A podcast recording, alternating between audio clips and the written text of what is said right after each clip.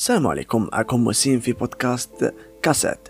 في بودكاست كاسات نتحدث على المواضيع لشغل الرأي العام والمجتمع في الجزائر والعالم أو الوطن العربي.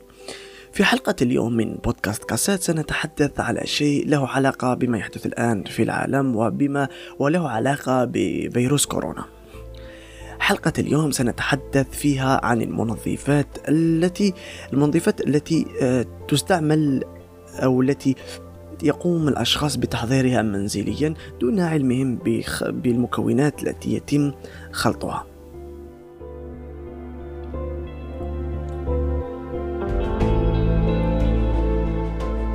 قد تتحول المنظفات إلى خطر على صحتك وعلى المنزل كامل فعليك أن تتذكر أن بعضها أو الأغلبية مصنوع من مواد كيميائية تماما كالأسلحة التي تستخدم في الحروب الكيميائية.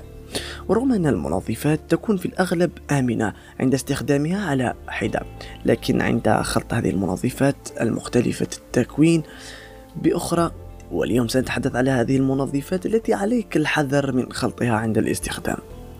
نبدأ بالمكون أو الكلور الشائع مع خلط عندما يتم خلطه مع النشادر أو الأمونيا يعد الكلور أو المبيض من أكثر المنظفات شعبية إذ يستخدم على نطاق واسع. فقد يضاف الكلور إلى الملابس خلال عملية التنظيف يعني للحفاظ على الألوان أو في تنظيف الأسطح المطبخ والحمام وإلى ما ذلك.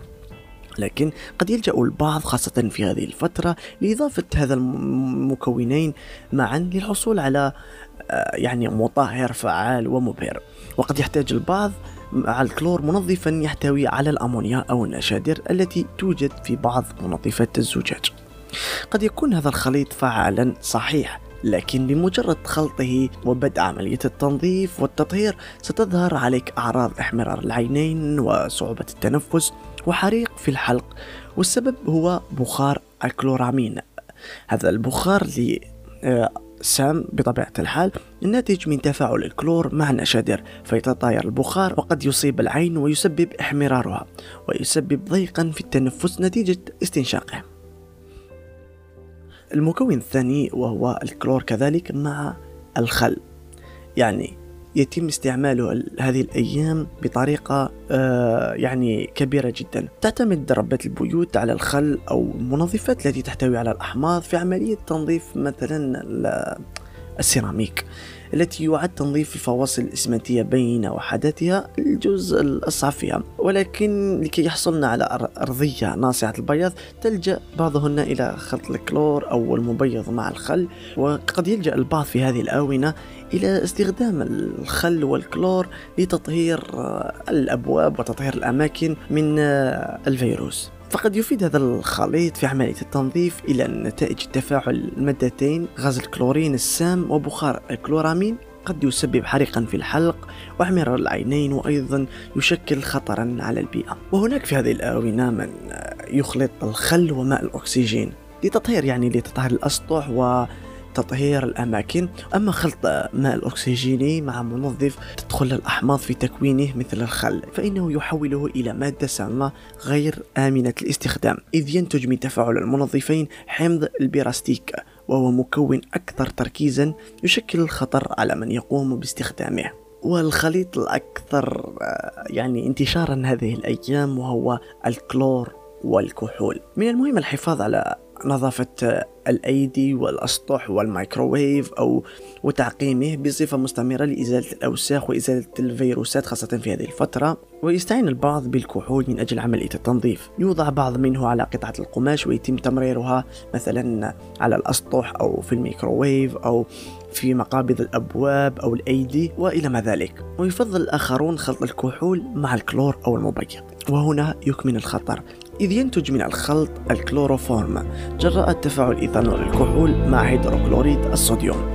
وتؤدي التركيزات المنخفضة من الكلوروفورم إلى الدوار والإغماء. أما التركيزات المرتفعة فتسبب تدمير الجهاز العصبي والكبد والكليتين.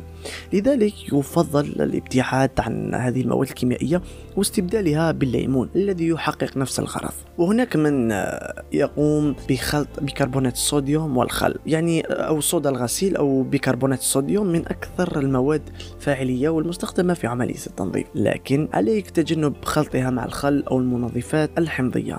فصودا الغسيل قلوية التكوين وخلطها مع منظف حمضي التكوين قد يسبب حروقا للمستخدم.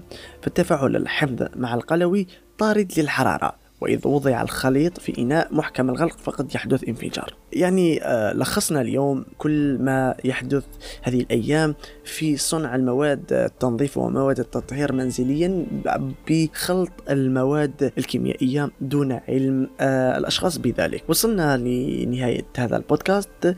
إذا عجبكم هذا البودكاست لا تنسى مشاركته مع أصدقائك واشترك في جميع آه، في قناتنا في جميع منصات البودكاست في جوجل بودكاست أو سبوتيفاي أو ساوند كلاود وإلى ما ذلك. دمتم في رعاية الله وحفظه. إلى اللقاء.